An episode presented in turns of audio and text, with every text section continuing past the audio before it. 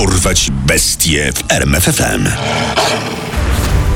Imię i nazwisko. Randall Brent Woodfield. Znany także jako Bandyta z drogi I-5. Zabójca z drogi I-5. miejsce i okres działalności.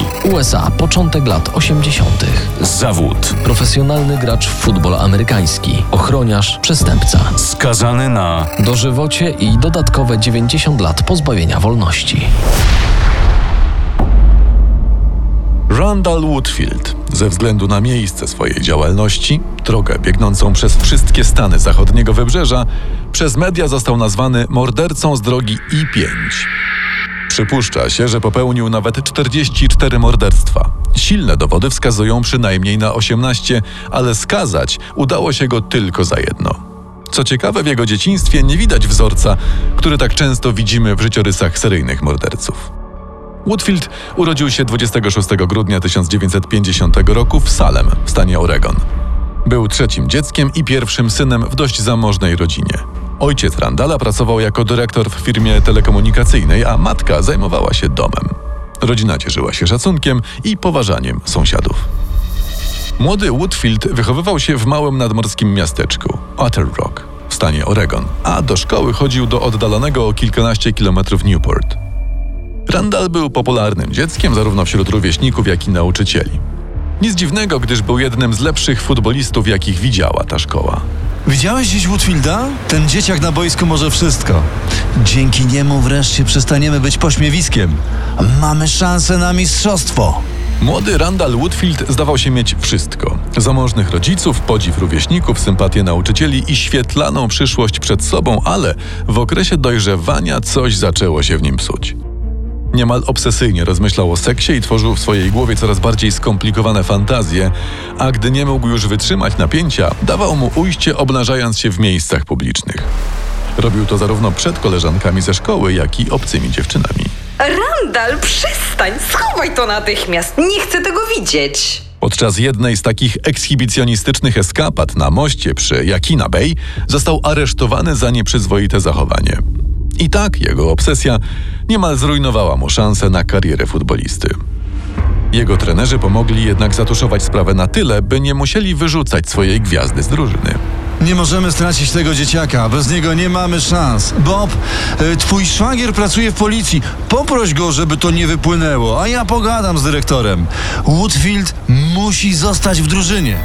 Rodzice Randala byli dla chłopaka znacznie surowsi niż władze szkoły. Zamierzali nie pozwolić mu na powrót do drużyny i uważali, że to atmosfera panująca w szatni wyzwoliła w ich synu takie nieprzystojne zachowania. W końcu, po namowach chłopaka i trenerów, zgodzili się na jego powrót pod jednym warunkiem. Randall musiał zacząć chodzić na terapię. Dzięki staraniom trenerów Woodfield skończył liceum, a jego kryminalna kartoteka została wymazana. Dzięki temu, gdy w 1970 zwolniło się miejsce w drużynie uniwersyteckiej, dostał się na Portland State University. Po zagraniem w drużynie studiował edukację fizyczną i aktywnie uczestniczył w studenckich grupach chrześcijańskich. Wiele lat później, już po aresztowaniu Woodfielda, jeden z jego uniwersyteckich trenerów, Gary Hamblett, tak wspominał swoje relacje z Randallem. Kiedy go trenowałem, był najmilszym, najbardziej szarmanckim dzieciakiem, jakiego znałem. Był cichy, grzeczny, ciężko pracował i słuchał moich rad. Wśród kolegów z drużyny miał opinię wspaniałego sportowca, choć spokojnego samotnika, nieco odstającego od reszty drużyny i nie mającego zbyt wielu przyjaciół. Z pozoru mogło się wydawać, że terapia i studenckie życie uspokoiły Woodfielda. Niestety prawda była nieco inna. W trakcie studiów chłopak kilkukrotnie był aresztowany za drobne przestępstwa. W 1970 roku za zdemolowanie mieszkania swojej byłej dziewczyny, a w 1972 i 1973 ponownie za nieprzystojne zachowanie w miejscach publicznych. Na trzy semestry przed ukończeniem studiów Woodfield zdecydował się porzucić szkołę. Miał ku temu dobry powód. Zainteresowała się nim drużyna Green Bay Packers z prestiżowej ligi futbolowej NFL. Mamo, wiem co robię, naprawdę. Granie w NFL i to dla Packersów to spełnienie marzeń. Wreszcie zostanę profesjonalnym futbolistą. Tak się jednak nie stało. Przeprowadzka do Wisconsin tylko pogłębiła jego problemy, a w profesjonalnej lidze nie był na tyle imponującym debiutantem, by drużynie opłacały się związane z nim skandale. Po wstępnych treningach Woodfield nie dostał się ani do głównego, ani do rezerwowego składu. Władze klubu oddelegowały go do gry w mniejszej, podległej Packersom drużynie Manitowoc Chiefs, grającej w półprofesjonalnej lidze. By zarobić na siebie, Randall podjął również pracę w Oshkosh Truck, firmie produkującej samochody ciężarowe.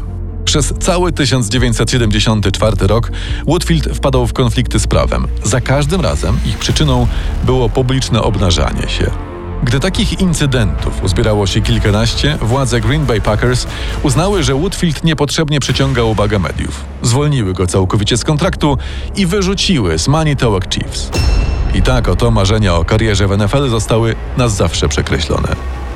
Zdesperowany i zrozpaczony Woodfield wrócił do Portland, gdzie niedługo później zaczęła się fala nietypowych napadów, często, choć nie zawsze, połączonych z napaściami na tle seksualnym. Co mamy? Powtórka z rozrywki. E, Poszkodowana kobieta, sprawca groził jej nożem, zmusił do seksu oralnego, ukradł torebkę i zbiegł z miejsca zdarzenia.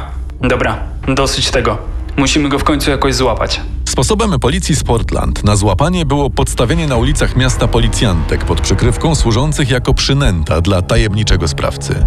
Metoda sprawdziła się i w marcu 1975 roku złapano podejrzanego, który miał przy sobie znaczone banknoty, które otrzymywały policjantki przynęty. Podejrzanym był nie kto inny jak sam Randall Woodfield. Przed sądem przyznał się do zarzutów, choć nie okazał skruchy. Wysoki sądzie, przyznaję się do winy, ale musicie wiedzieć, że nie kontrolowałem tego, co robię. Żeby grać w futbol, przyjmowałem sterydy. Dużo sterydów. Nadal je przyjmuję. Czasem nie umiem się powstrzymać. Woodfield został skazany na 10 lat, ale wyszedł po czterech za dobre sprawowanie. Niecały rok później zaczął mordować. Pierwszą ofiarą Woodfielda była jego koleżanka z czasów szkolnych, Cherilyn Ayers. Kobietę z wieloma ranami kłutymi i tłuczonymi odnalazł 11 października 1980 roku jej narzeczony. Sekcja zwłok wykazała również ślady gwałtu. Podejrzenia dość szybko padły na Randalla Woodfielda, gdyż w trakcie swojej odsiadki korespondował z Ayers. Wezwany przez policję udzielał wymijających odpowiedzi i odmówił testu poligrafem. Z kręgu podejrzanych został wyeliminowany, gdyż ślady nasienia znalezione na ciele ofiary nie zgadzały się z grupą jego krwi. Nieco ponad miesiąc później ucierpiała kolejna znajoma Woodfielda. Tym razem była to Darcy Rene Fix, która w czasach studiów była dziewczyną jednego z bliskich przyjaciół Randala. W domu Fix morderca zastał również Douglasa Kifa Altiga.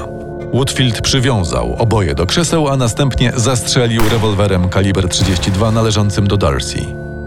Ze względu na znajomość z jedną z ofiar, Woodfield został przesłuchany w tej sprawie, ale policjanci nie znaleźli żadnego dowodu wiążącego go ze sprawą. Morderstwa popełnione na Fix i Altigu na chwilę zaspokoiły najmroczniejsze żądze Randala Woodfielda. Nie znaczy to jednak, że całkowicie porzucił przestępczą karierę.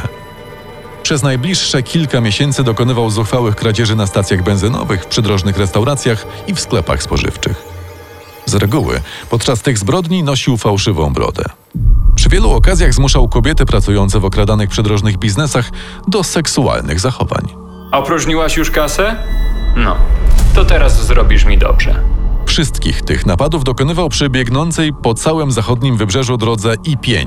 Dlatego też media i organy ścigania zaczęły nazywać go bandytą z drogi I-5.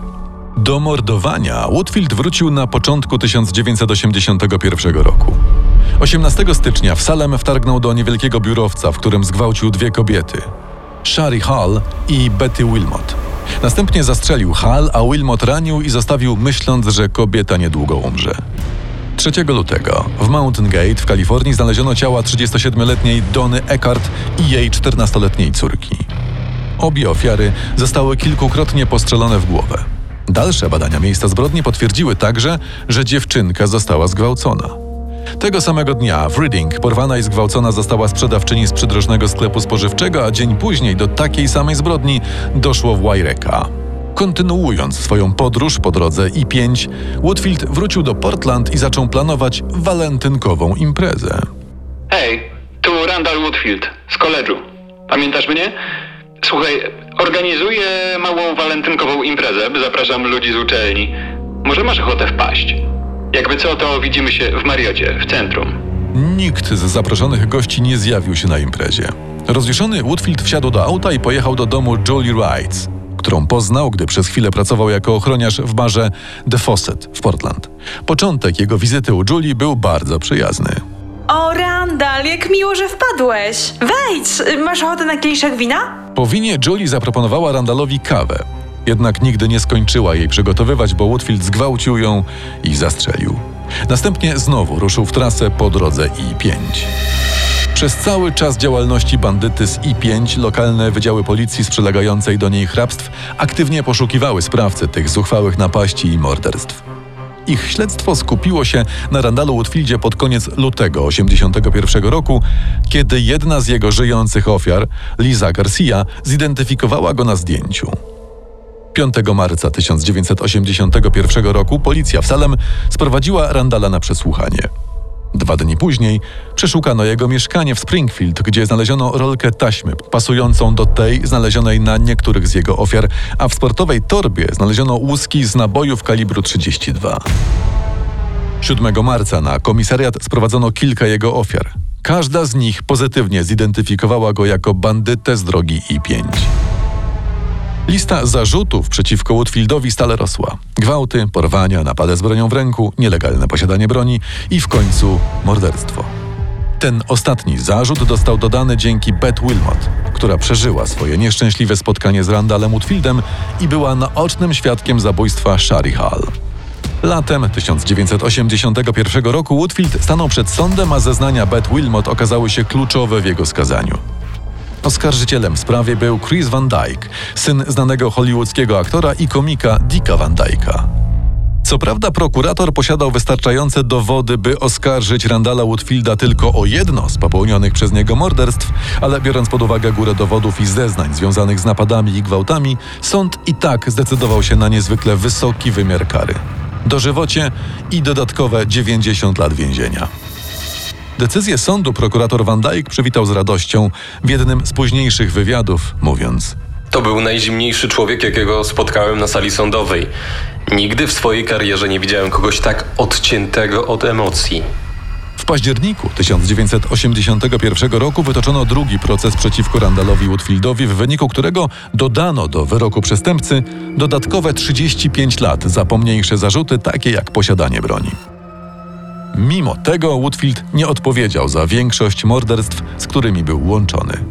Nie pozwalał na to opłakany stan finansów stanu Oregon, którego nie było stać na długie i żmudne dochodzenia, potrzebne, by bez cienia wątpliwości udowodnić winę w tych sprawach.